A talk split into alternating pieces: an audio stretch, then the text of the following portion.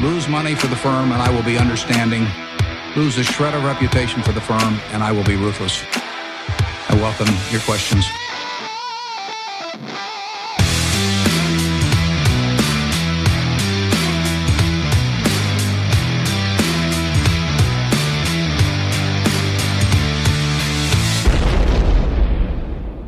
Välkomna till Kvalitetsaktiepodden. Det är jag som är Ola. Ja, och det är jag som är Klas. Eh, det här är avsnitt nummer 70 som spelas in torsdag den 25 juni. Mm.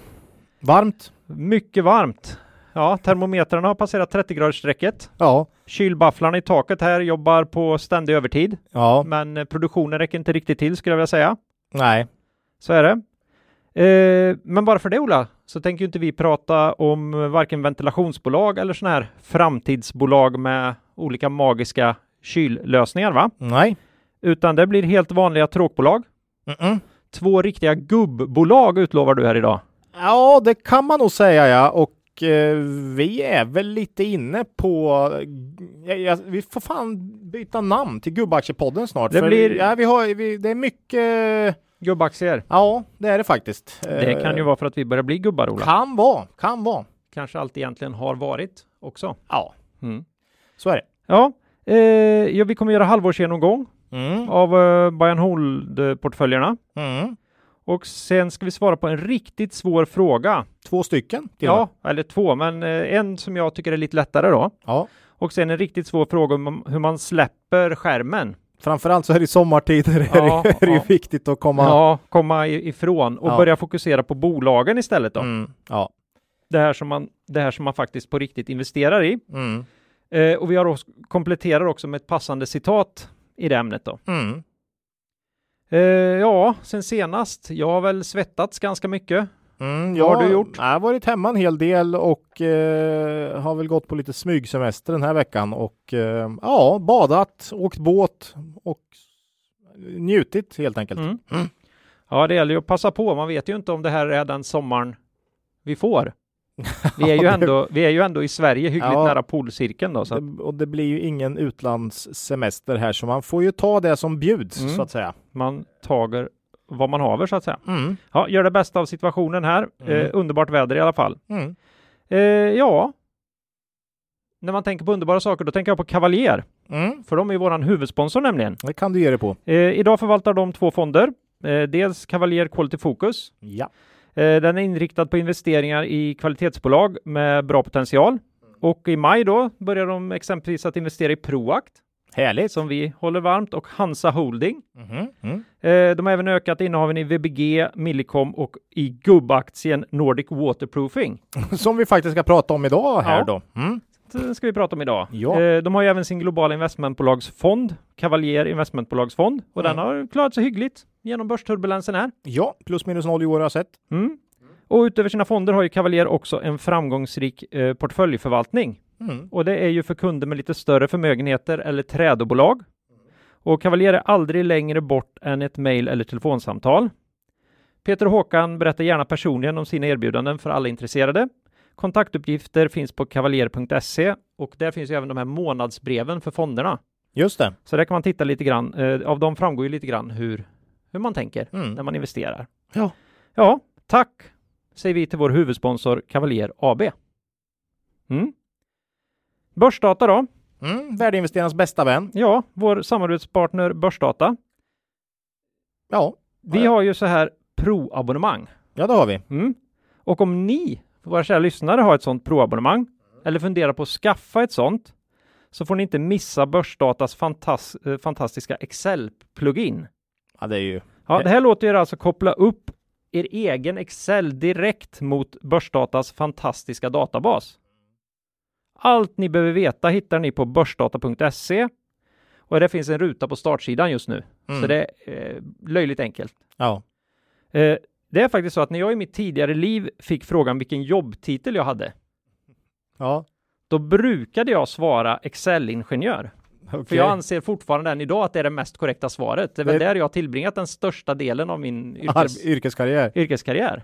Ja. Och dessutom har jag alltid haft ett valspråk som är att om ett problem inte kan lösas med Excel, Bör det då lösas? Jag tänkte säga, då är det inte värt att lösa. Ja, jag var tvungen, det hade jag från början, Ja. men jag var tvungen att lägga på en liten, Ja, liten, ja. folk blev Jag lite kan ju provocerade tänka så här, det. s- sociala problem och Ja, så. det jag vet, det är sånt. sånt trams. trams. Sånt trams. Det går förmodligen också att lösa sociala problem med Excel oftare än vad folk tror. Mm. Det gäller att ställa upp frågeställningarna på ett strukturerat sätt. Ja, jag vet att du håller, håller med mig här, Ola, en hel del faktiskt. Så Ja. att, eh, missa inte den här möjligheten, alla eh, Excel-nördar där ute. Mm. Eh, så att eh, tack säger vi till Börsdata. Tack. Mm. Vi ska väl berätta här för våra lyssnare också att vi provade lite ny rigg för vår inspelning. Mm, köpt lite nya prylar. Ja, vi ska försöka hitta ett eh, annat sätt att spela in här för att minska den ganska omfattande klipptiden som ändå har varit eh, för den här podden. Det kan ju bli ett brutalt misslyckande och då lovar vi att återgå till eh, tidigare ordning kan man säga. Ja, för vi har haft eh, hyggligt ljud på sistone så att eh, Ja, jag vet. Ja. Det är ju mycket att leva upp till då. mm, Men eh, vi, vi försöker. Så nu ser det ut nästan som en riktig proffsig ja, det känns här lite med- P3 här faktiskt. Det med måste... grejer som hänger ner från länkarmar och Ja, det är snyggt. Det är Ja. snyggt. Det är du som är lite av en shopaholic, eh, men eh, Mm. ja, det är som Buffett, va? han brukar slå ner på det där. Han skulle ju ha ett lyxflygplan och det här va. Och, Ja. Och jag vill ha svindyra länkarmar ifrån Röd. Jag hoppas det är danskt nu. Det heter ju Röde. Det måste vara danskt. ja, det, vi, vi, Vi säger att det är danskt. Dansk design va? ja. Ja. Eh, så innan vi går vidare i avsnittet Ola, Mm. vill vi påminna våra lyssnare om att aktieinvesteringar alltid innebär ett stort risktagande. Aktier kan både gå upp och ner i värde. Satsa därför aldrig kapital på aktier som du inte är beredd att förlora. Det vi säger i podden ska aldrig betraktas som köp eller säljrekommendationer. Gör alltid din egen analys av bolagen innan eventuell handel. Ja. Aktuellt då, Ola. Mm. Tänkte Det har ta hänt, lite eh, aktuellt det har hänt först. lite. Det har hänt lite eh, faktiskt. Och efter aktuellt så tar vi den här uppdateringen av våra tre eh, halvårsuppdateringen av våra tre buy and hold-portföljer. Mm. Och sen så går vi igenom dagens bolag efter det då. Och så som vanligt citat och frågor. På... Mm. Mm. Det är tryggt känner jag nu. Ja, känns, känns tryggt. Och bekant. Bekant ja. Mm, Mm. mm. Eh, nej, men det har ju hänt lite nyheter. Framförallt var det ju en eh, En jättenyhet. igår. Eh, Evo plus Netent eh, är lika med sant då. Mm. Och det har väl varit lite spekulationer om det där. De har ju varit, eller är, både konkurrenter men också kompletterar varandra ganska bra i och med att Evo eh, har varit totalt marknadsledande på eh, live-casino. Sino. Japp. Medans Netent då har varit eh, väldigt vass på slott. Eh, Sidan där. Ja, eh, online-slottar helt enkelt och utveckling av sådana. sådana. Mm. Man har en stark, eh, ja, produ- starka produkt, produkter där helt enkelt. Mm. Eh, och ja, i, i och med Evos extrema rusning här upp till 100 miljarder i börsvärde så känns det rimligt att man eh, betalar med aktier också. Ja. Eh. Jag blir ju provocerad då. Jag blir ju kraftigt provocerad. Jag tycker det är så orimligt att man med sådana här galet uppblåsta Ja, men det är värderingar. själv, ja, självklart Ja, men det är klart att man ska använda nyttja det, Det är, men det är det- snyggt. Det är Man, snyggt. har, man Mm. får liksom sina egna pengar tryckta, Mm. tryckta för sig av sina euforiska Det aktieägare. här visar ju lite av vikten också att få till en bra kursutveckling. För Ja. då kan man faktiskt göra så här. Ehm, Mm. Eh, Och det här är ju ett väldigt logiskt köp måste Ja, jag ja. säga. Man kontrollerar nu både live casino och online slots. Man blir ju en, ja, man blir ju en global jätte på B2B sidan här Mm. helt enkelt. Eh, Och ehm, frågan är om Evo började känna att netten tog lite marknadsandelar på live casino. Jag vet inte om det eh, var en del i det här eller Mm. om man bara kände att Netent är starka på slots och vi på live. eh, Det blir en perfect match. Mm. Men det känns väldigt logiskt tycker jag. Ehm, och det här borde bli en bra kombo, en B2B-jätte inom online-casino. Kul att det är ett Mm. svenskt, ett svenskt bolag. Ja. Vi är ju starka helt enkelt på, i den här branschen. Mm. Ehm, nej, jätteintressant, men det är ju inget billigt bolag här. Uh, Nej, verkligen EV ebit på Evo är enligt börsdata 56. mm. på redovisad vinst och Netent var igår efter uppgången ev ebit 39. Eh, men då är det i och för sig lite engångs där och Red Tiger är inte med och sådär. Men ja, det är, det är ingen billig, inget billigt bolag här. Men Nej. en väldigt stark marknadsposition kommer de att få. Mm. Eh, vi är inte intresserade på den här nivån såklart. Eh, uppgången i Netent är också ganska remarkabel här sedan mitten på mars. Provobis sålde ut en hel del aktier här av någon anledning. Det har ju inte konfirmerats att det har varit att det short var, squeeze. Nej, tvångsförsäljningar utan eh, det var galenskap. Nej, man har sålt ut helt enkelt. Nej, vi vet inte. Nej, men, men man var... hoppa, nästan någonstans hoppas man ju nästan att det var tvång. Ja, för det var ju väldigt ja, märkligt. Ja, eh, och det bidrog väl till kurstappet här. Eh, aktien stod väl i under 20 spänn ett tag och nu är den uppe på 70 liksom. Mm. Så att eh, ja, hela sektorn har egentligen gått starkt nu mm. senaste tiden och det är väl också skönt tycker jag för att det är väl ofta det som den här sektorn ska eh, vara. En trygg, en motpol mm. i tuffa tider helt enkelt. Så den har levererat ytterligare en gång här kan man säga. Ja, vi tackar ju Betsson i förra, förra avsnittet ja. här för ja. hjälpen i svåra tider. Vi sålde ju, har ju sålt Betsson här för några mm. veckor sedan då. Eh, det vi har kvar är väl Aspire här då egentligen först mm. och främst eh, och eh, i den här sektorn nu och man kan ju börja snegla på andra spelutvecklare här nu i och mm. med mm. uppköpet av Netent. Det mm. känns ju som att äh, operatörerna det blir en lite sämre konkurrenssituation för operatörerna. De har väl kunnat spela ut eventuellt Netent och eh, Evo lite mot varann. Ja, definitivt. Eh, det har de ju kunnat, men mm. sen har ju inte det funkat. Eller ja, har de kunnat det? Inte, inte på live casino känns det ju som. Nej. Där har ju Net, eller Evo haft en vansinnig pricing power ja, alltså. Ja.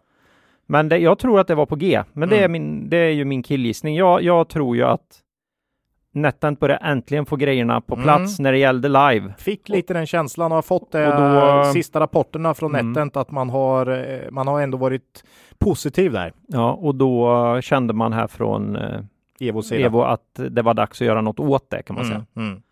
Uh, behålla sin... Börsvärdet var ju nästan tio gånger större liksom. Så ja. att, uh, ja. Nej, men vi har mm. kvar Aspire och där är ju också då de förvärvar ju Periplay där. Yep. Eh, och det är ju också då en eh, ut, utvecklare av eh, sådana slottar. Mm.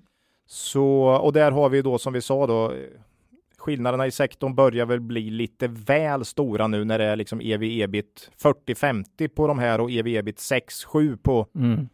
på Aspire. Eh, så att eh, nej, vi har Aspire kvar i sektorn då kan man säga som mm. vårt första och sen har vi Raketech en liten post också. Ja. Eh, men intressant att det händer saker. Ja, det är väldigt, väldigt liten post. Ja. Vi har en liten sån insynsrackare för vi kan inte låta bli. Nej, men eh, i Aspire har vi ja. lite mer. Där. Ja, där har vi verkligen. Ja. Det är en riktig. Mm. En riktig Nej, så eh, kul att det händer lite i sektorn och det visar också att eh, bolag kan få höga värderingar. För ett mm. halvår sedan var det ju, trodde man ju att sektorn gick mot noll så att säga. ja, det var, det skulle ju ta slut någonstans här. Ja, men eh, nej. Med konkurser. Intressant och, tycker jag. Mm. Och finns, alla har gjort vinst. Liksom. Finns nog mycket tillväxt kvar runt om i världen, mm. USA och eh, dessutom hela den här transformationen från eh, landbaserat till online också. Det är mm. fortfarande i världen mycket mer som spelas eh, på landbaserat helt enkelt. Mm. Så att, nej, jätteintressant tycker jag med hela med den här affären. Mm. Och vi får en eh, jätte eh, i Sverige. Kul! Ja, de, Eller Malta. Eh, ja, lite bra, lite bra tycker jag ändå att de växer nu så att bolaget i sig också börjar få en storlek som på sikt då kommer de ju förmodligen kunna förvärva mer. Ja. Och, och, och försöka börja växa i den här värderingen på riktigt. Ja, nej men alltså det är hög värdering men mm. det är ett jäkligt fint bolag. Ja. Så att eh, inget, inget ont om, eh, om bolaget så. Utan nej, vi är ju som vanligt sura att vi inte får vara med på resan. Ja, så kan man säga. Mm. Men eh, så är det. Ja, ett annat intressant bolag här som vi har pratat om en ja, väldigt mycket i podden, fast vi pratade om den i våras här nu, att vi eh, började bli intresserade av Proact igen då, mm. efter att ha stått utanför där ett tag. Ja, men det har vi berättat om att vi är med igen va? Ja, det har mm. vi berättat om. Det var väl i mars någon gång, eller nej, april var det nog. Ja. Vi köpte efter Q1 där. Eh, och började, vi började liksom känna att vi såg lite vart strategin, att den bar. Mm. Och dessutom fick vi se att förvärvet eh, verkade gå bra och det är ju alltid mm. skönt att veta att man att man kan få till förvärv. För Ja, det är ja. ny, ny ledning nu och så. Eh, och nu kommer en omvänd vinstvarning här från Proact faktiskt. Eh, väldigt kul. Andra kvartalets omsättning väntas öka med mer än 15 procent och justerad ebita väntas öka med mer än 20 procent. Mm. Och eh, det är ju kul i liksom corona eh, pandemins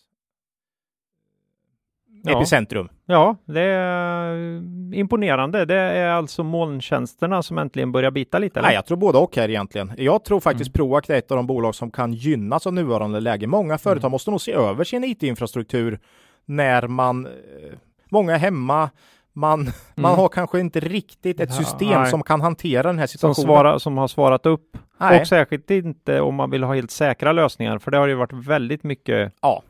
Mycket prat om att eh, man hade en IT-infrastruktur, men den, var, den höll inte måttet när det kom till att prata företagshemligheter över, över, över osäkra videomöten och sådär som eh, de anställda började använda när inte Teams funkar eller vad det var man Mm. borde använda. Mm.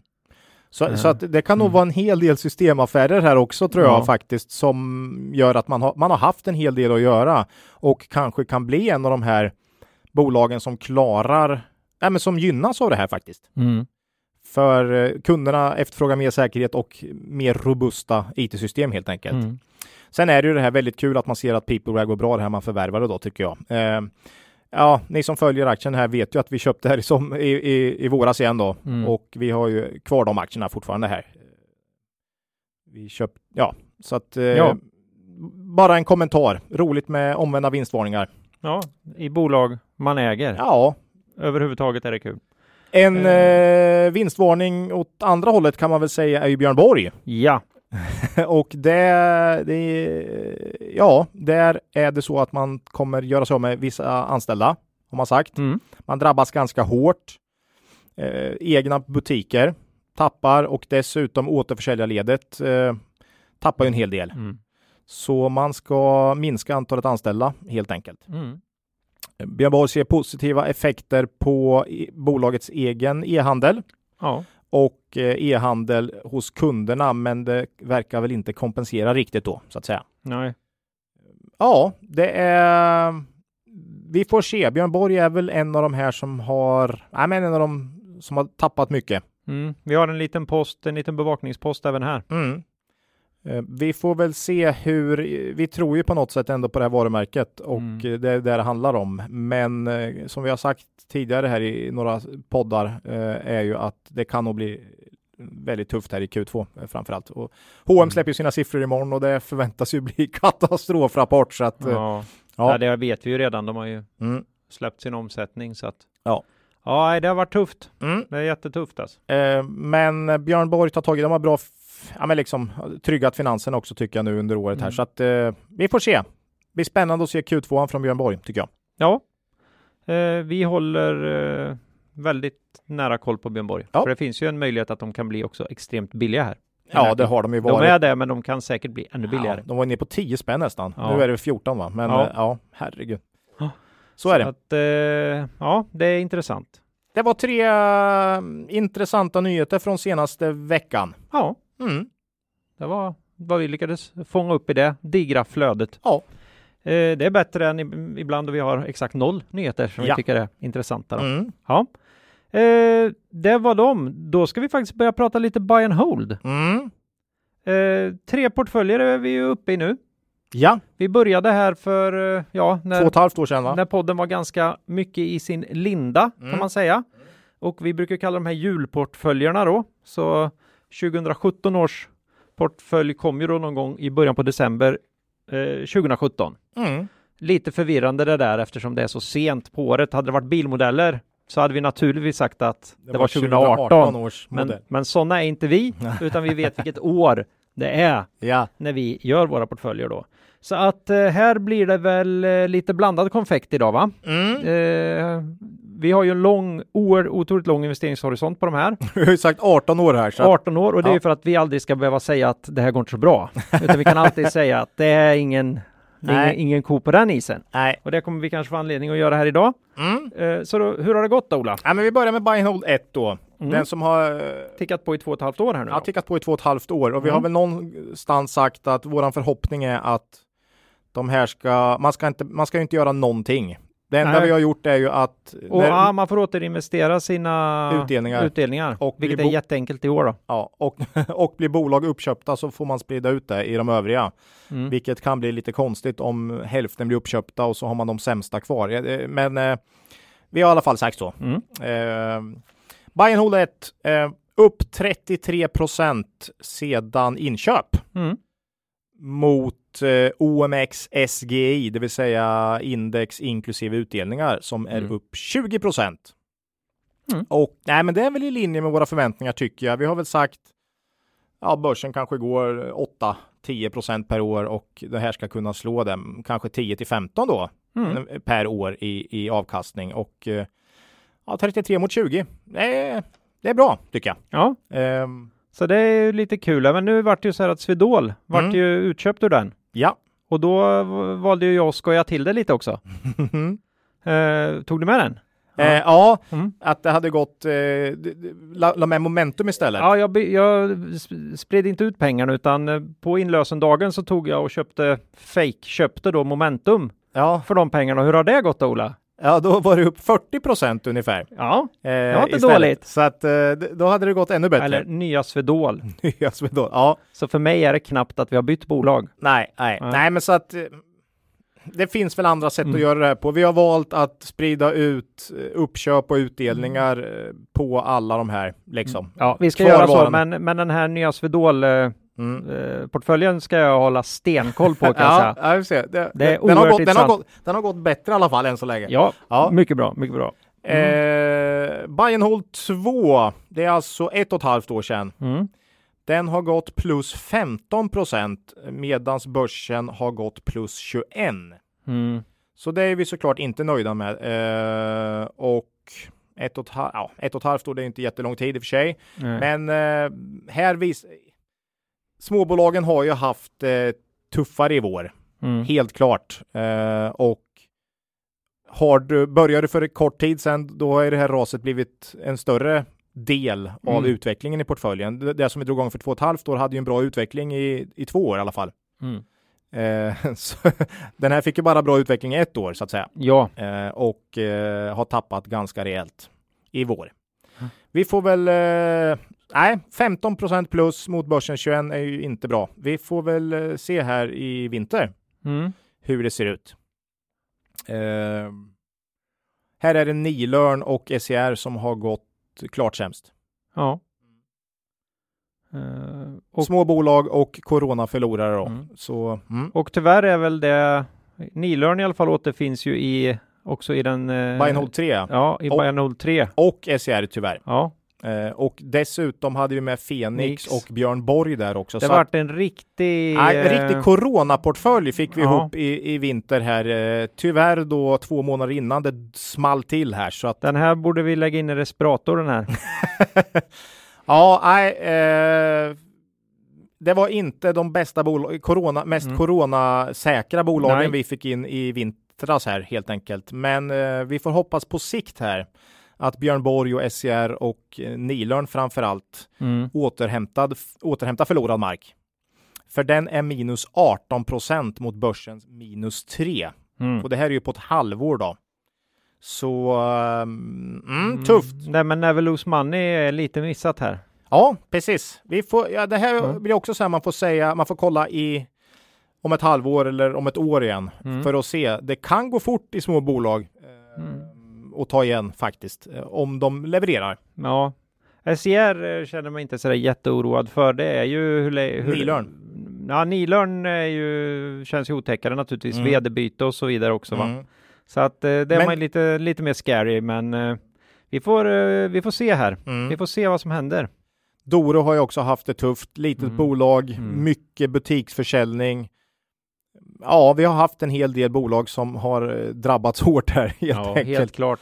Ehm, ja, jag, jag kan väl tycka att Nilörn har en sån felfri historik fram till förra året. Mm. Så jag, jag tycker på något sätt att de bör kunna komma tillbaka. SCR också väldigt Mm. fin historik fram till förra året egentligen. Så att mm, vi får se. Ja, SJR var på väg in i en vändning där. Ja, helt tydligt i höstas. Ja, Så och att- sen så Small det hände till. det något. Den hände, det var något som hände. Ja, vi har inte riktigt analyserat det här klart. Vi Nej. kanske ser det tydligare om ett halvår när vi, ja, när vi tar upp dem igen. du har inte sett på nyheterna här i vår? Nej. Eh, nej, Nej. nej, jag har jobbat. Vad har du gjort? Ja.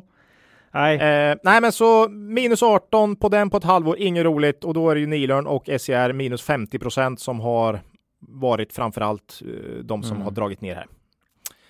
Vi får se hur det ser ut. Ja. Det är bara att ta nya men vi har tag. ju ingen, vi har ju ingen IAR i den portföljen. Vi har ju ett enda förlorat bolag så här långt som det känns just nu. Det är ju IAR i den första Bernhold-portföljen där vi ja, tycker där att hade de vi sålt för länge sedan om vi hade fått. ja, fullständigt driver för vinden tycker jag nu. Ja.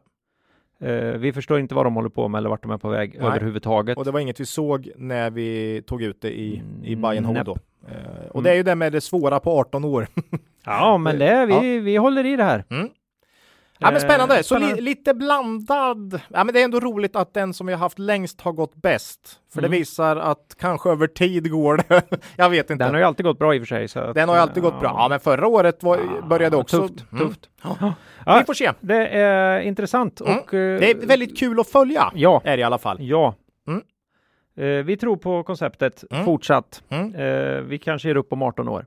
När, vi, när vi får facit från Ja, det här ja. lilla experimentet. Jag vet ju, vi, hade, vi, vi körde ju utdelningsportfölj också här. Ja. Men där hade Tog vi med NetEnt. Ja, Såg jag igår när jag Ja. var inne och, och skulle ställa upp. Så där hade vi netten. Den, har ju, den fick ju en rejäl skjuts igår. ja, det var ju synd. Ja. Synd att vi gav upp det där. Ja, Fatta ha utdelningsportfölj den här våren du. Ja, jo, men vissa spelbolag har ändå delat ut. Betsson har ju delat ut. Och, ja. Ja. Ja. Ja, jag vet inte, vet inte vad jag ska säga om, Nej. säga om det riktigt då. Nej, det var en liten snabb genomgång av våra buy and hold-portföljer. Mm.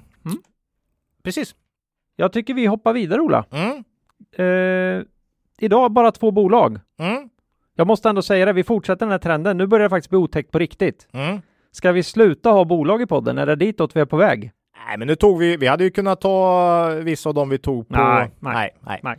Nej. Men det är sommar. Det är inte en enda rapport så långt ögat kan nå. Hade, vi, hade H&M kommit idag så hade vi nog fått med H&M också. Ja. Men, Men vi eh, kompenserar det i alla fall med ett nytt bolag idag. mm. Och Det- dessutom två frågor. Ja, och det här Sen- bolaget är ju, eh, det kan vi avslöja redan nu, att nästa avsnitt kommer vi spela in i förväg här och det blir ju en, eh, en ny, en reinkarnation av Dismiss-avsnittet som vi gjorde f- Förra sommaren. Förra sommaren. Mm. Eh, så att, Det vill säga vi skrapar ihop alla bolag som har kommit från våra lyssnare under året. Eh, och det är väl 40 stycken tror jag nästan, eller Mm. 30-40 stycken. Och eh, vi väljer faktiskt bort några där Ja. vi tycker att vi har varit så vansinnigt tydliga med vissa bolag att vi inte kommer ta i det, eller Mm. branscher. Men mm, mm. så jag tror inte oljebolag och sånt som vi får Nej. frågor om tar vi inte med här. Nej, jag tror inte det. nej. Nej, men 30-40 Rå- bo- ja. 30-40 bolag och eh, ska vi gå igenom dem ett, eh, ett i taget Mm. och eh, säga varför vi inte tar upp det i podden eller oj, hur kan Det vi ha missat det här? ja, Så att eh, vi kanske har ändrat oss. Exakt. Och från förra året hade vi väl åtta bolag tror jag som vi lovade att ta Mm. och eh, det här var den näst sista på den listan. Det som Så vi har idag. liksom inte riktigt orkat, orkat runt. Nej, men det här är den näst sista. Det sista är Scanfil Mm. och det har vi sagt att vi ska ta här efter sommaren tillsammans med Note och norska Kitron. Va? Oh, där Och satte du dem. Gör en specialare. Gör en liten specialare om de här eh, Kontraktstillverkarna. ja, av elprodukter och grejer. Ja. Mm. Exakt. Så då kommer de. Så no och Note sa vi heller att vi inte skulle ta förra året då. Mm. Men där har vi ju under våren fått eh, se en brutal motståndskraft här. Eh, Så, ja, det eh, kan vara så galet så att det faktiskt är som de säger att det är ett nytt bolag. Och Ja, då det är menar vi alltså företagsledningen som säger Ja, sällan man ser det dock. Förra lågkonjunkturen var ju horribel för Noter då. Mm. Så, men det verkar vara något annat nu. Mm. Så vi tänker Note, Scanfil och Kitron här Mm. eh, tidig höst. Ja, det är i ett spännande. avsnitt. Mm. Ja. Men eh, då är det väl dags för Concentric helt enkelt då. Concentrica. Vi går ju alltid i bokstavsordning och idag var det ju extra, extra enkelt att få ihop den listan då. Ja, det kan inte ha varit svårt Nej, det var inte helt svårt då. Nej. Så det här är ju då en eh, fordonspumpspecialist som levererar pumpar främst till lastbilsmotorer och hydrauliksystem. Mm. Eh, och eh, då kan man fundera på alla lyssnare om, vet ni hur man stavar till hydrauliksystem? Ja, Eh, det så ni- sommar- Ja, det är sommarquizet. här. Fem med ja, Klas ja, liksom? Ja, ja, ja, visst. Mm. Jag tänker inte berätta det, de får kolla upp det själva. Okej. Eh, det här avyttrades från Haldex eh, 2011 Ja. och då hade det bara varit en del av den koncernen i tre år. Ja, okej. Så man Ja. kan, Hallex ska inte slå sig på bröstet för Nej. Concentric utan Det brukar skrivas ibland att det här är en A. Jag har gått omkring och sagt det också att nej, det här är avyttrat från Haldex. Ja, men det är det ju. De ägde det ett tag. men Nej, jag, jag Ja. vet faktiskt inte storyn bakom det där. det, det känns felaktigt användande av ordet avyttrat. Liksom så här. Man, då, då brukar man känna att det är något som är organiskt, en, en, någonting som har vuxit fram i bolaget som har blivit något annat och sen känner man att det här kan stå på egna ben. Nu känner jag att jag hade SCT. velat kolla upp vad de betalade och vad de sålde för. De köpte 2008. Frågan är vilken tid på året. Ja. Raset var ju... Jag vet inte om man Brutalt. kan ha fått ett, en låg värdering där sent 2008. Mm. 2011 var inte heller något vidare bra år med Greklandskollapsen. Nej. Och, ja, jag får kolla upp det Otroligt där. spännande. Mm. Eh, det är ett business, rent business to business-bolag i alla fall. Mm. eh, som då som jag sa tillverkar eh, pumpar för olika vätskesystem, oljesystem också, även lite trögare vätskor i dieselmotorer. Och sen även hydraulik då. Och, och då är det främst till den tunga fordonsindustrin.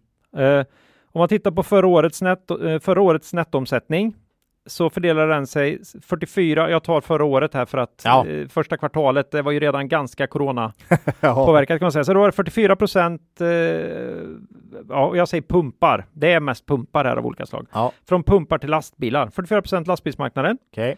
22 procent eh, fick de in från entreprenadmaskiner, eller pumpar till entreprenadmaskiner. Och det är ju grävmaskiner och hjullastare och dumpers och sånt, roligt. Mm. 24 procent från industrin. Och här har de ju pu- både pumpar då som jag, som jag förstår det. De har definitivt pumpar industriella truckar och så, alltså även fordon som industrin har. Mm. Men även pumpar i industrin.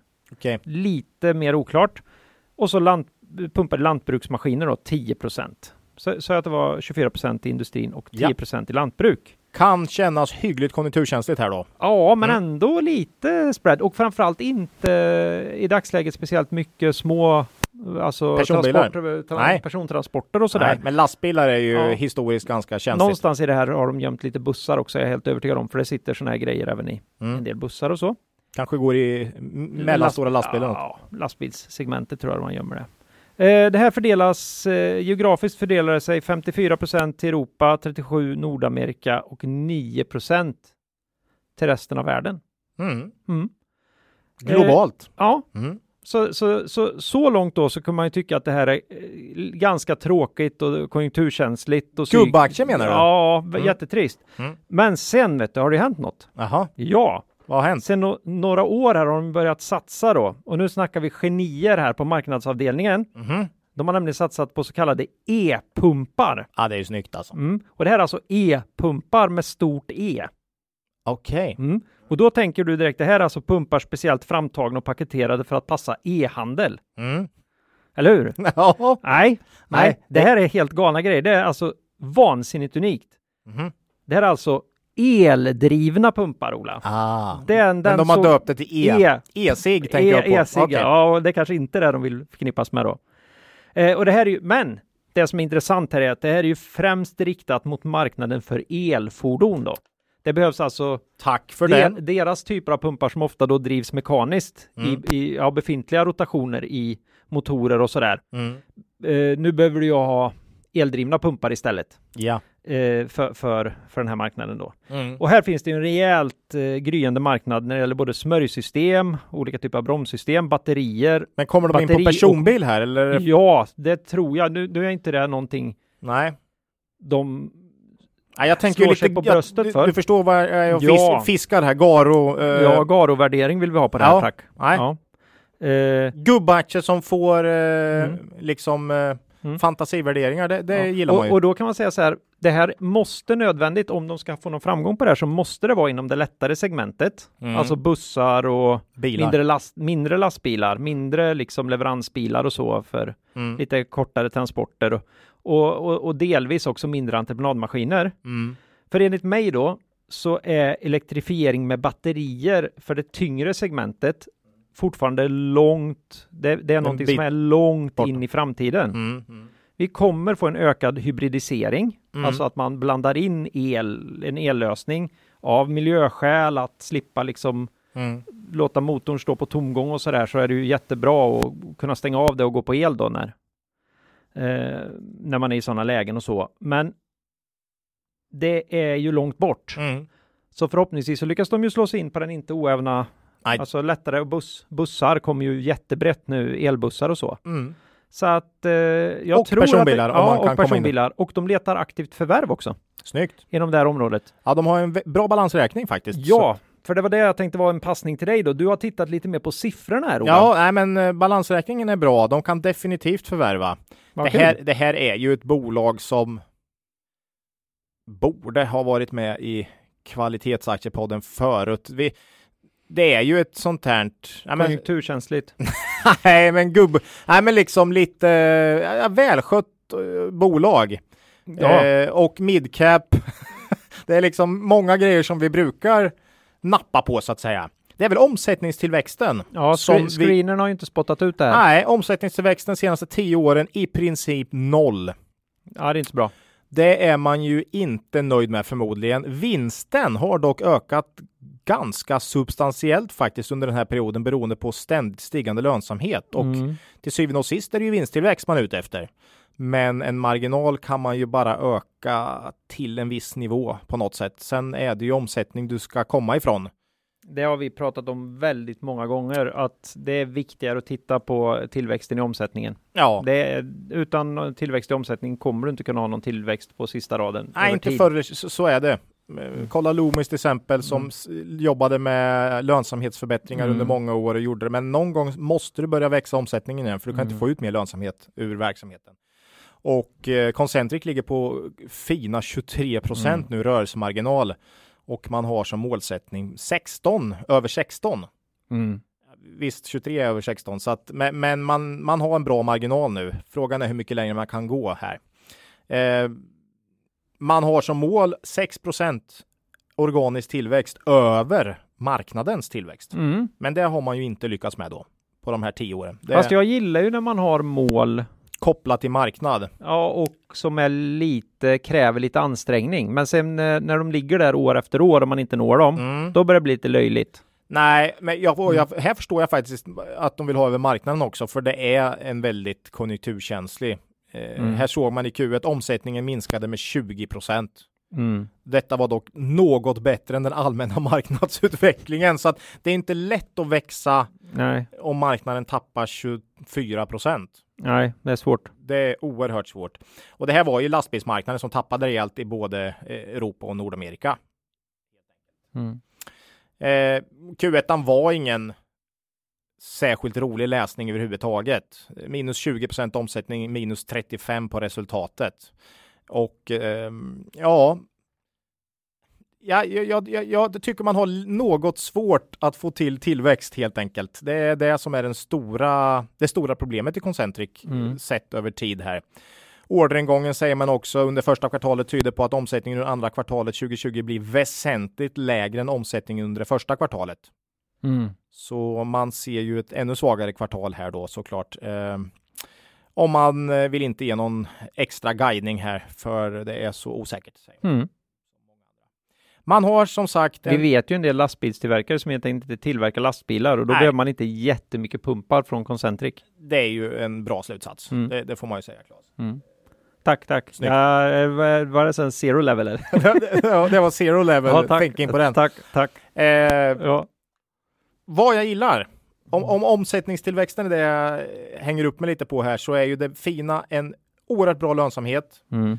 Eh, en, tyder på, på starka produkter, skulle jag säga. Och dessutom har man ju en väldigt bra balansräkning utan nettoskuld. Man skulle ju kunna förvärva här. Mm. Och då kan man ju ta ett omsättningssprång. Såklart. Skulle gärna se det faktiskt. Ehm, balansräkningen gör ju att även om Q2 skulle bli svå- eh, dålig här och Q3 kanske så kommer man ju klara det. Det Mm. är jag ganska säker på utan problem. Eh, P 17. Eh, EV ebit 11. Ja, och det är på senaste fyra redovisade kvartalen nu och Q2 blir sämre så det kan ju vara till och med vara lite högre än det. Men samtidigt Q2 2020 är ju inte representativt för bolagets långsiktiga vinst här. Nej. Eh, Ja, inget kött och blod i ägarlistan alls. Det är bara fonder. Mm. Ja, nej, men jag tycker som sagt lönsamheten och balansräkningen är klart på positiva Mm. sidan, tillväxten klart på negativa. Jag är liksom inte riktigt, jag blir inte riktigt sugen på det här. Värderingen är heller inte så här eh, uppse, uppseendeväckande låg. Ja, men om man tänker sig lite händelser här nu då. Mm. Riktiga, riktigt blytunga rapporter. Ja, Q2. Le, leder fram till, ja, även Q3 kommer Mm. bli stentufft tror jag. Ri, riktigt förlorat år här. I ett bolag med jättefin balansräkning. Bra marginaler. De har massa konkurrenter där ute eller eh, branschkollegor som de kan tänkas göra ett jädrigt bra uppköp här till Mm. exempel. Ja. Eh, och sen tar den här E E-pumpsatsningen fart här rejält. Samtidigt som kanske lastbilsmarknaden vänder upp igen. Ja, Mm, då har du helt här plötsligt finns det ju Mm. en, en, en galen potential i det här Mm. bolaget. Och vad Ja. brukar man göra då, då? Om man tycker man ser att något är inte så kul just nu, men är ganska intressant. man väntar. Man väntar och man håller ju koll på det här bolaget. Ja. Så det tycker jag vi definitivt ska göra. Kan ju se Q2 här. Marknaden Mm. kan ju bli tokdeppig eventuellt. Ja. Så kanske man kan få... Fast de kanske har rätt då. Du kommer ju fortfarande vara osäker på mycket av det här med omsättning och sådär. Men när du väl har fått bort Q2, ja, då har du ju förmodligen några bet- lite bättre siffror nästa år i Ja, Q2. ja. Så att, alltså eh, jämförelsetalen jäm- kommer ju inte vara Nej. blodiga här. Nej, jag blir inte tillräckligt sugen. Eh, Mm. Blir jag inte. Omsättningstillväxten är en stor, stor förklaring till det faktiskt. Ja. Du är lite, lite gubbe Ola känner jag. Lite, lite gubbe. Då, då, Ja. Är man gubbe så kan man ta låg tillväxt och Ja. stabil verksamhet. Och, pumpar. Och, och pumpar. Ja. Ja. Jag är lite Okej. sugen. Nej, Mm. vi går vidare till nästa gubbolag tycker jag. Då gör vi det. Eh, det här har ju varit med förr kan vi lugnt säga. Mm. Eh, och var, ja, Nordic Waterproofing. Mm. Eh, de här ser till att våra hus och byggnader är täta när vädret biter i. Mm. Frågan är hur corona biter på Nordic Waterproofing nu och på sikt. Var med i avsnitt 53. Så det är sista oktober förra året, så det var en Oj. stund sedan. Åtta, nio, nio månader. Mm. Mm. Eh, Ja, hur ser det ut? men det här är väl lite, alltså jag, ja, vi har ju pratat om det, många har pratat om det, man läser mycket om det.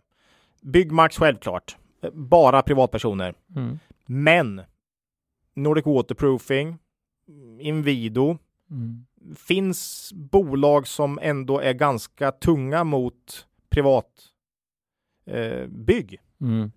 Och eh, skulle faktiskt kunna vara ett av de här bolagen som klarar det här ganska bra. Och ser man Q1 så var ju den kanonfin faktiskt. Mm. Man ser också på eh, kursen oförändrat i år. Det är bra 17% plus senaste 12 månaderna. Mm. Concentric har ju tappat 20% i år, så eh, det lyser väl igenom lite här också, kanske. Ja, man har en annan förväntan på, Ja. på det här bolaget och det bör man väl ha. Ja, Concentric tappar som vi sa 20% i eh, Q1. Eh, Nordic Waterproofing ökade omsättningen Mm. med 18% i Q1, varav 14% organiskt. Här var Ja, det väl vi så. måste skaffa burkade applåder här till, till podden. Alltså. Eh, brukar ju, nej, det är alltid sämsta kvartalet. Mm. Vet inte, kom, nu har jag redan glömt bort hur vädret var här, men eh, var det inte lite bättre? Lite, Det var ju byggväder. min- lite byggväder här i Q1. Alltså, du kommer ihåg att jag gjorde en grej i Byggmax va? ah, just det. Jo, det stämmer. Ja, Mm. jo, men då, då, då är det nog en hel del det också. Ja, Eh, att man har kunnat eh, lägga om tak. Jo, det vet ju jag förresten. På våra fotbollsanläggning la vi om tak här i mars, kommer jag ihåg. Ja, mm. ja det stämmer. Så att eh, en snabb lynchning på den gör att man nog känner att det kan vara, ha med det att göra. jag tog ju, försökte ju ta in offert här på takarbeten. Jag Jaha, hade en som svarade, som svarade kom tillbaka i början på nästa år okej. så kanske vi kan börja svara på offert, äh, lämna offerter igen. Ah, ah, Så jag, det är ett visst tryck. jag, ja, men tror, de har nog inte så mycket arbetskraft heller i och för sig. Men alltså det är tryck på jag tak. tror på de här bolagen runt om privat konsum, bygg, helt Mm. enkelt. Hemmafix. Och då är By- Byggmax... Och det här är ju kortsiktiga grejer, så det här är ju ingenting man ska bygga Nej, Byggmax är ju first level här då. Ja. Det är solklart. Då, men Nordic Waterproofing är lite second här. Det är, det, är liksom, det är inte lika uppenbart, men jag tror att de får en... Och Inwido, som vi har Ja. sagt då. Eh, Då är det lite grann det här också. Nordic levererar ju på en väldigt stor geografisk marknad Ja. i förhållande till Byggmax. Jo, så är det. Så det är ju, man kan inte överföra svenska förhållanden här rakt av. Nej, Jag tror att du har, behöver nog lägga på den här biten med men väldigt mycket i Norden. om, ja, ja det är det, men också det här med statliga stimulanser och när Ja. staten liksom verkligen ska börja stimulera ekonomin, då, då drar de ju igång miljonprogramsprprojekt och sånt där. Liksom. Ja. Då ska det renoveras och byggas Mm. vägar och hus och Mm. saker. Liksom. Ja. Eh, nej, men Q1 var ju kanon här då, men som sagt ett väldigt det minsta kvartalet varje år, så Mm. att det, det, liksom, det är nollresultat och det var det även i år. Omsättningen ökade med 18 procent, men resultatet ökade bara lite marginellt då. Mm. Och det är liksom ett, ett, ett kvartal som går man inte back så är det bra. Ja. Eh, man hade ju en förväntan på 2020 här innan året, vilket gjorde att vi har väl varit lite så här. Mm, man har en förväntan om samma nivå på ebit som året innan. Det Ja. vill säga man var ganska försiktiga då. 27 mars övergav man den här eh, förväntan Mm. i och med sin covid-uppdatering där och eh, istället så säger man det är inte möjligt att längre ge någon vägledning. Vi vågar inte helt enkelt.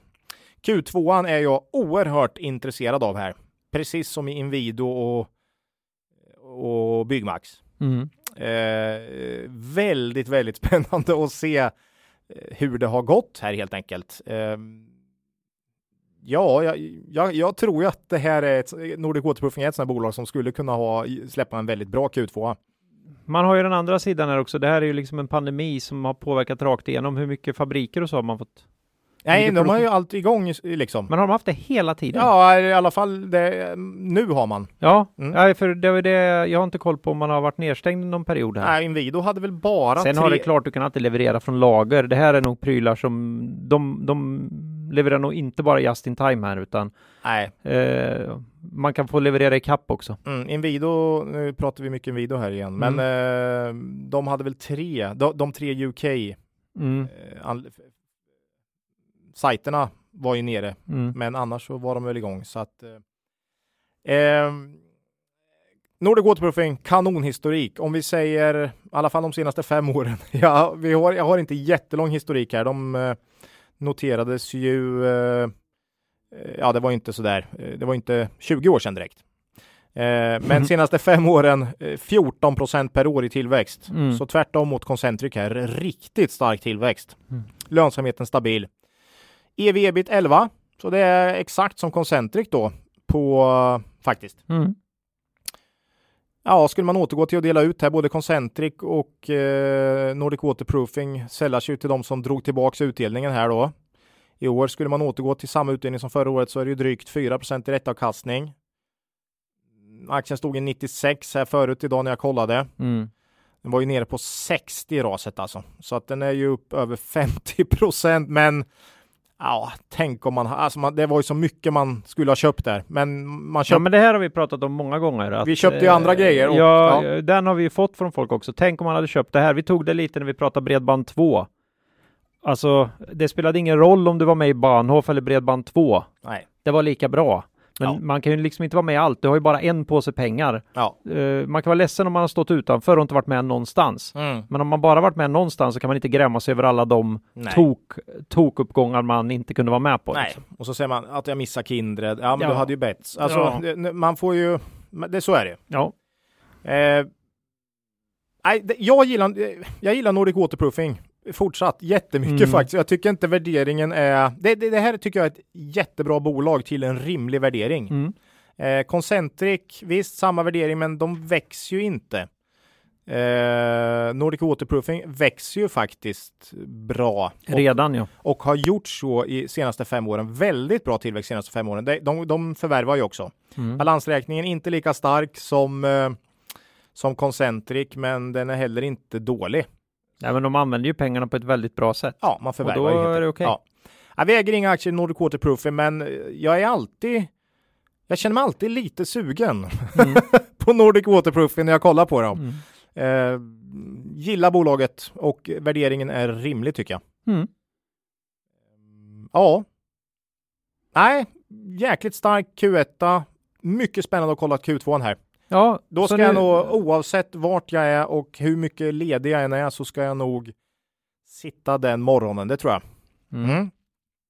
Lilla julafton. Lilla julafton, Gubb, gubbaktie julak, julafton så Ja. att säga. Det är, du går på Biltema, du kollar Concentrix och Mm. Nordic Waterproofings Q2 här va. Det är, så Ja, är det. Då, då är dagen räddad sen. Mm.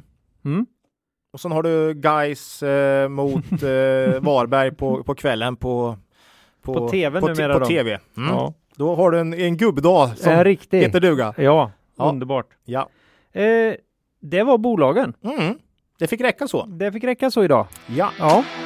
Eh, vi hoppar vidare här till eh, lyssnarfrågan. ja, vi tog ju två frågor idag då. Ja, lyssnarfrågorna. Ja, Eh, och, för att eh, kompensera lite. Den första har vi fått här eh, som gäller ju en oerhört enkel, det är en enkel fråga Mm. och det är hur mycket man kan tänka sig äga i enskilda bolag eller hur man ska fördela Mm. Eh, från, sin en, portfölj. från en lyssnare i Finland faktiskt. Eh, hur många bolag har ni i portfölj?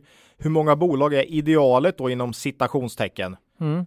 Eh, jag har själv på tok för många bolag i min portfölj, över 50 stycken skriver han här. Skriver han under med lynch eller? Nej, det gör han inte. Okej, ja, då är det jag tänkte han försökte finta oss alltså. Eh, Ja, okej.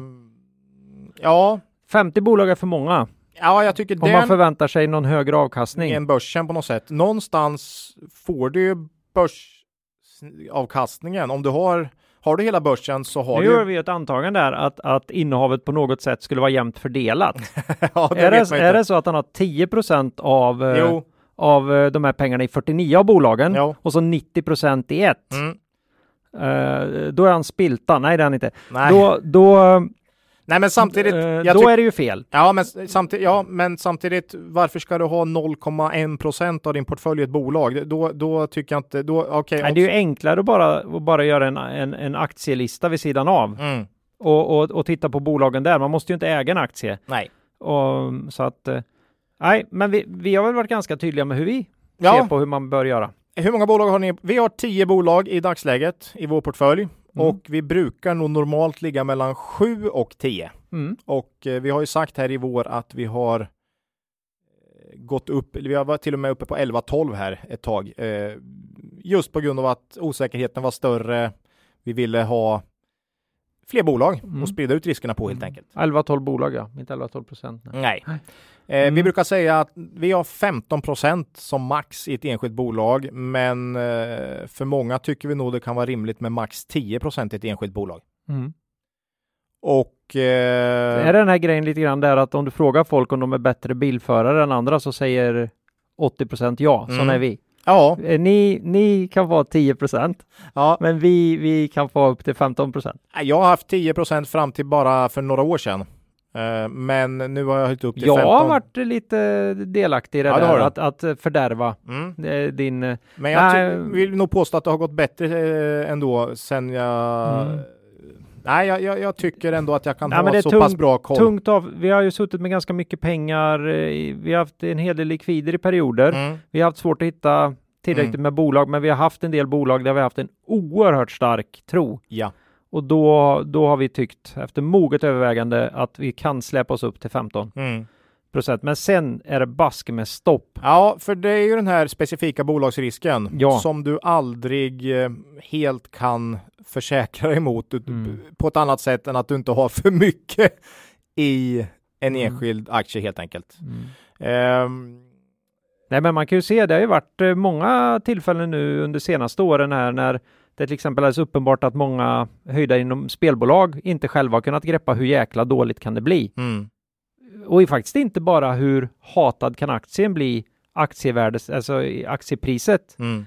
eh, går ner, utan även att verksamheten har, har gått sämre än Ja. vad de någonsin kan. För, och de, de driver de här bolagen, de sitter på all Ja. tillgänglig information och ändå missar de så. Mm. För de köper inte de här aktierna för att de tror att jag kommer, de kommer gå ner 50 procent på ett halvår. Nej. Utan de köper dem för att de tänker att det här är en bra långsiktig investering. Ja. Men jag tycker ändå det ser ganska bra ut. Mm. Jag tycker nu, nu är vi nog på botten här. Ja. Ska, kan det verkligen bli sämre än så? Ja, Mm. det kan det bli.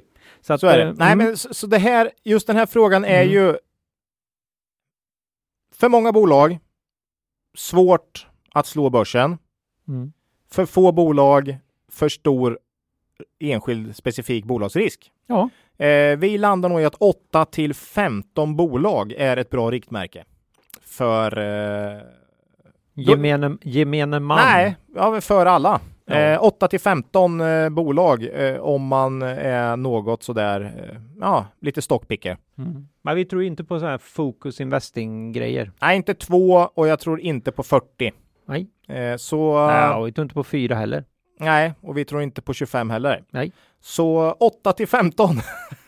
Ja, det finns inget annat. Nej, det, det, nöja- det tycker vi känns som en vettig avvägning mellan att ta enskild Mm. bolagsri- bolagsrisk, men samtidigt kan man slå börsen. Liksom. Mm.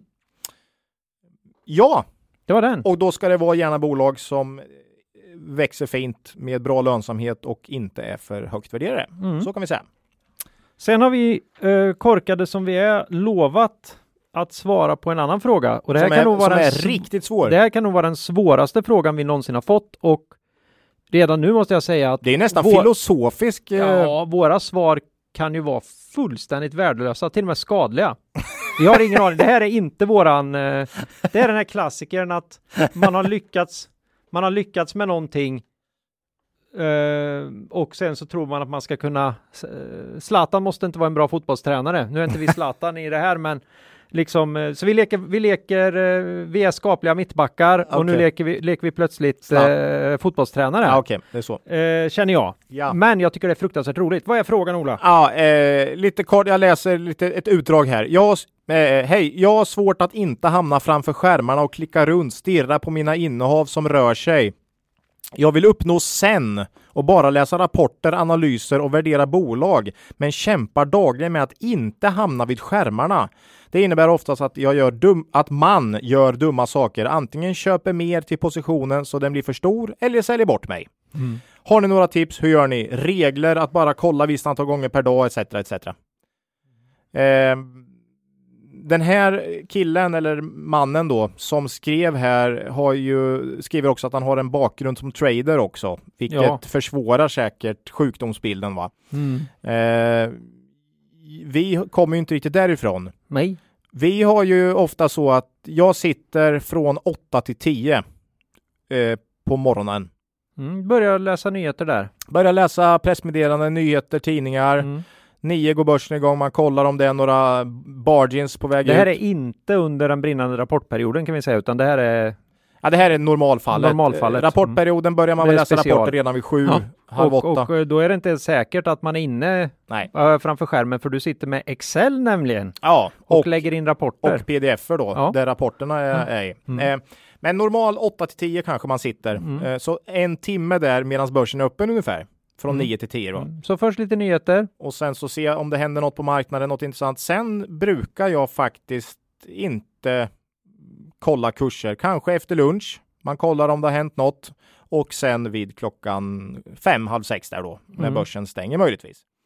Eh, man ska inte behöva kolla mer än så för att, ja om du inte daytrader då, så att säga. Ja. Eh, är, är du investerare och investerar på lite sikt Mm. så behöver du inte kolla dagskurserna hela tiden. Buffett kollar ju aldrig dagskurser Mm. liksom. Nej.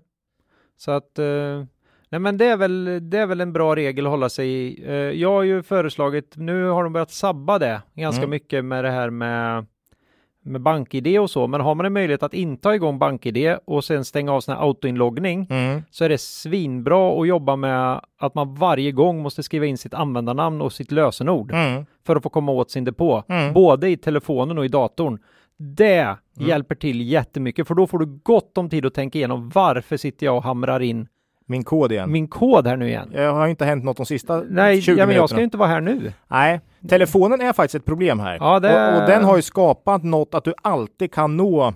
Och du kan säga. handla också. Du kan handla dessutom. det känns ja. som att de önskar nästan att du ska göra det. Kan de vara så utstuderade? Det var ju helt galet i sådana fall. Alltså. Nej, men det är ju inte värdefullt att sitta och stirra Nej. på kurser. Det är livskvalitet. Gör något annat. Eller eh, om du inte har något annat intresse än aktier, läs åtminstone kvartalsrapporter eller analysera ett nytt bolag eller, Screena. eller läs någon bok. Liksom. Eh, Mm.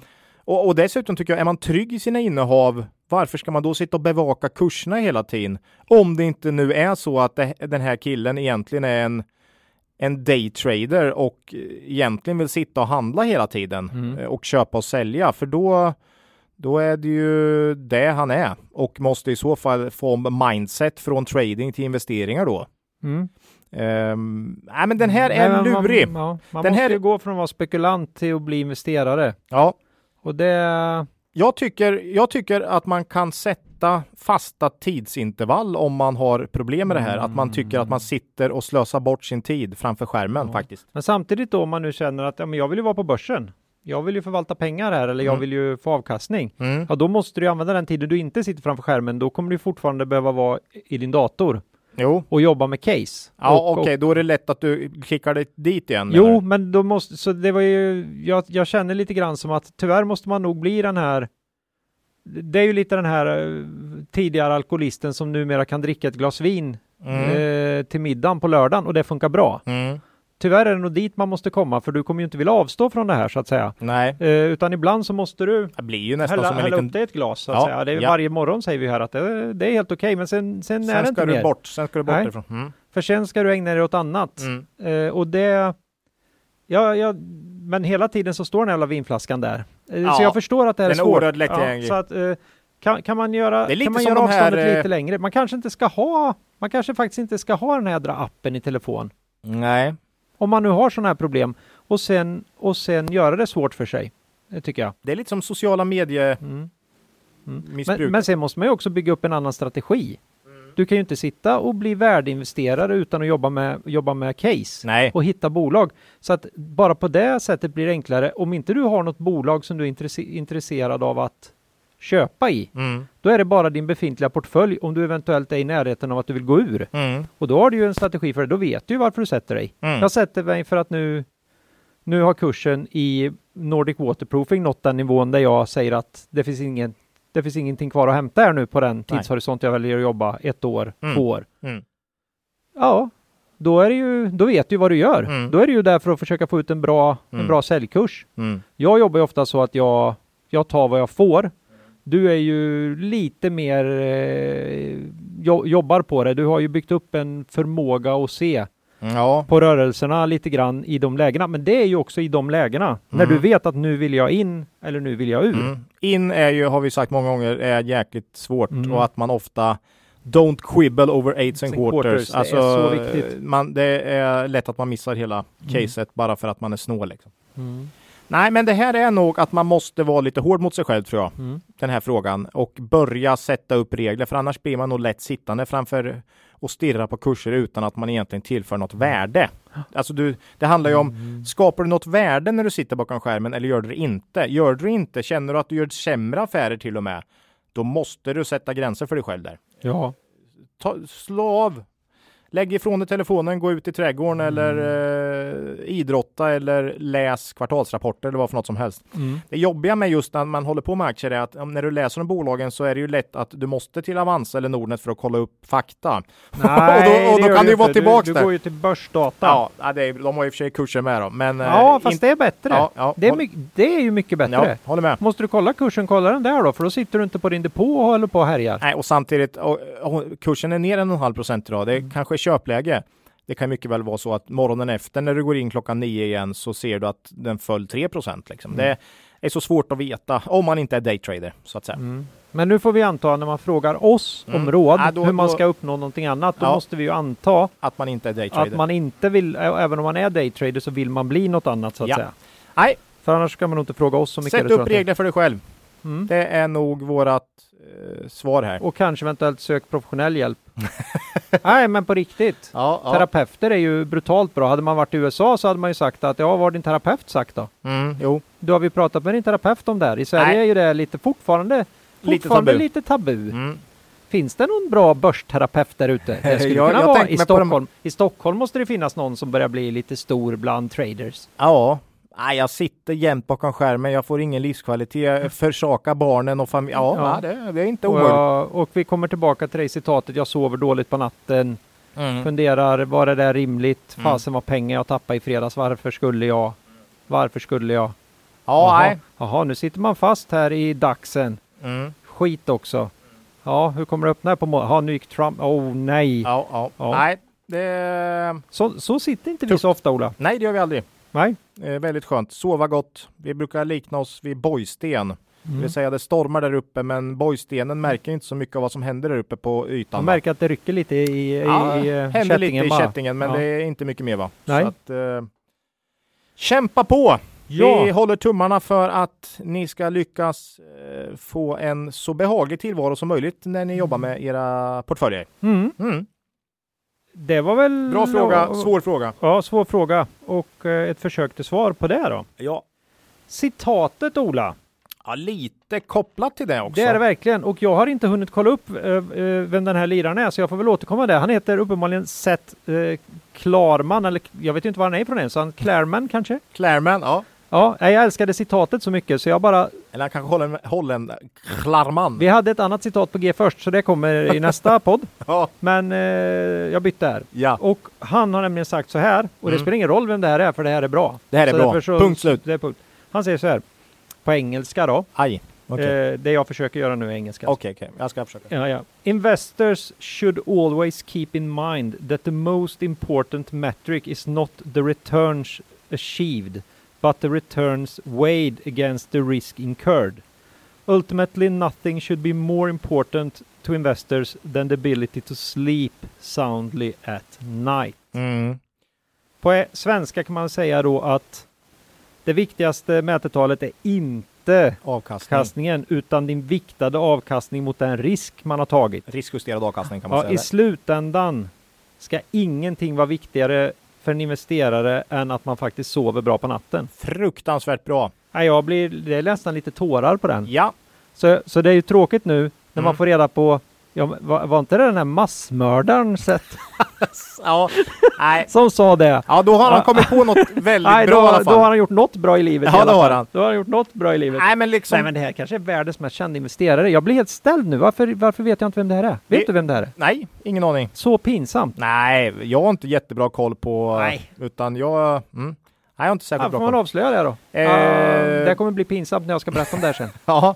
Ja. Eh, grymt viktigt. Eh, jag tycker att om man har en portfölj eller investeringar, man äger aktier som gör att man har svårt att slappna av på helgen, att man är orolig under helgen, eh, eh, tänker på morgondagen, vad händer när börsen öppnar? Ja, då är det ju något som är fundamentalt fel. Som är Antingen är, antingen är du inte skapt för investeringar, eh, du har investerat pengar du inte har råd att förlora, Mm. eller så har du helt enkelt helt fel strategi. Eh, aktierna är inte skapta för dig helt enkelt. Eller Mm. företagen du har i portföljen är, är inte skapta för dig. Sannolikt har du inte företag i din portfölj utan du har aktier i din portfölj skulle Det jag är tro. ju så också. Mm. Eh, för har du företag i din portfölj så har du också ett mindset där du känner att det här företaget Jag vet ju vad de håller ju på med. inte med enskild, utan det här, bara för att börsen går ner så försvinner inte värdet i mitt bolag. Nej. Kursen har gått ner, men värdet finns kvar.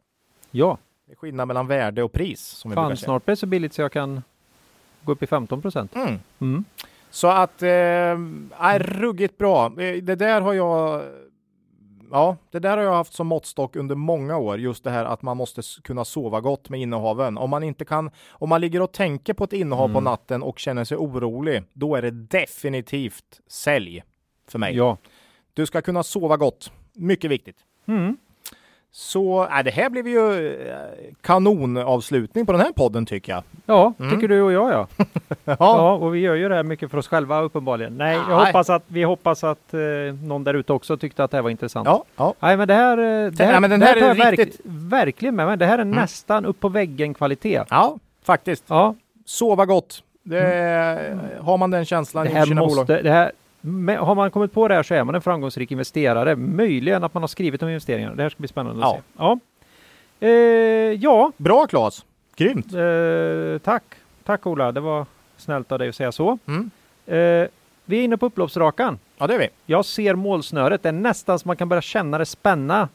Spänna lite över bröstet här. Ja. Så att eh, det är läge att prata om nästa avsnitt. Ja, Då blir det återkomsten som vi sa av det här bejublade och delvis bespottade dismissavsnittet. mm. Eh, det kommer vara förinspelat. Vi Mm. kommer sända det den 9 juli, alltså om två veckor. Sen tar vi eh, ett initialt semesteruppehåll där. Mm. och sen återkommer vi i någon slags geografisk spridd form den 6 augusti. Spännande. Av olika anledningar så har vi inte riktigt möjlighet att samköra våra semester i år på det sätt vi brukar, så att det blir ett sånt här eh, distans, Dismiss... Nej. distansavsnitt. Mm. Ja. Eh, Spännande. Ja, det hoppas jag ska gå kanon. Vi har ju skaffat oss utrustning även för sådant. Mm. Eh, tackar vi Market Makers-podden för eh, all hjälp jag har fått med att hitta bra utrustning där. Tack. Ja. Ni kan mejla oss på kontaktet kvalitetsaktiepodden.se, Mm. kommentera på Twitter eller så kan ni ju eh, titta till vår hemsida kvalitetsaktiepodden.se. Jaha, har du något riktigt makro eller TA värt att ta upp idag Ola? Nej. Varmt väder gynnar Kopparbergs försäljning. Det är det enda jag kan komma på. Mm, mm. Har du något annat eller är det lika zero level på den? Ja, det, det, jag lämnar den Mm. och, och blir lite allvarlig då, Okej. som jag blir ibland. Och nu Mm. tänker folk att nu ska han säga något roligt, det ska jag inte. Nej. Tråkigt för er. Synd. Jag var lämna blod i Ola. Jaha, det gör du ju På var och uppmaning varannan. Ja, på, ja, vara tredje månad är det Var väl, varannan var tredje månad. Mm. På uppmaning från blodcentralen den här gången. Det Mm. börjar bli lite knapert här. Okej, i på många ladorna. ställen runt om i landet. Är det, covid, är det coviden eller vad? Nja, det är väl en blandning. Det går ju åt mindre blod. För man har ju mycket mindre planerade eh, operationer och så. Kanske Men har färre samtidigt- varit in och Ja, lämnat? definitivt. Ja. Så ni som brukar lämna blod och är friska, Mm. eller ni som inte har någon bättre ursäkt än, än egoism och latmasken för att inte lämna blod, Mm. gör det. Gå in på blodcentralen och läs på. Det är inte läskigt. Det är inte speciellt ont. Nej. Och ni får en gåva. Ni får gåvan att kunna hjälpa en annan människa och till och från faktiskt rädda liv. Ja, det är ju grymt. Mm. Och- Fick du göra covid-test innan eller? Ja, nej det fick jag inte, men jag är med i en undersökning. Mhm. Så nu ska jag få reda på om jag har antikroppar eh, mot coviden, men det var bara en specialare nu. Va- Vad kul, det får vi ingen annan i Linköping Nej, göra. vet du när jag kommer få reda på det då? Nej. Någon gång i höst kanske. För det är något slags forskningsprojekt. Så att de vill liksom inte, de kommer leverera svaret i ett svep där då i slutet. Mm. Eh, så att eh, då kanske det är så att jag faktiskt har tagit reda på det innan. Spännande. Men så var det. Blodbussen, eh, har ju, eller blodgivningen, har ju sedan länge haft ett valspråk. Nu vet jag inte om de har den längre, men när jag började så sa de så här. Blod ger liv, ge blod. Mm. Så, Fint. det var vad jag ville säga idag. Eget ägande, Ola. Eh, ja, eh, inte Concentric och Nordic Waterproofing, men vi pratade Proact. Vi pratade lite Aspire Global. Vi nämnde Invido. Invido. Ja, det är väl det va?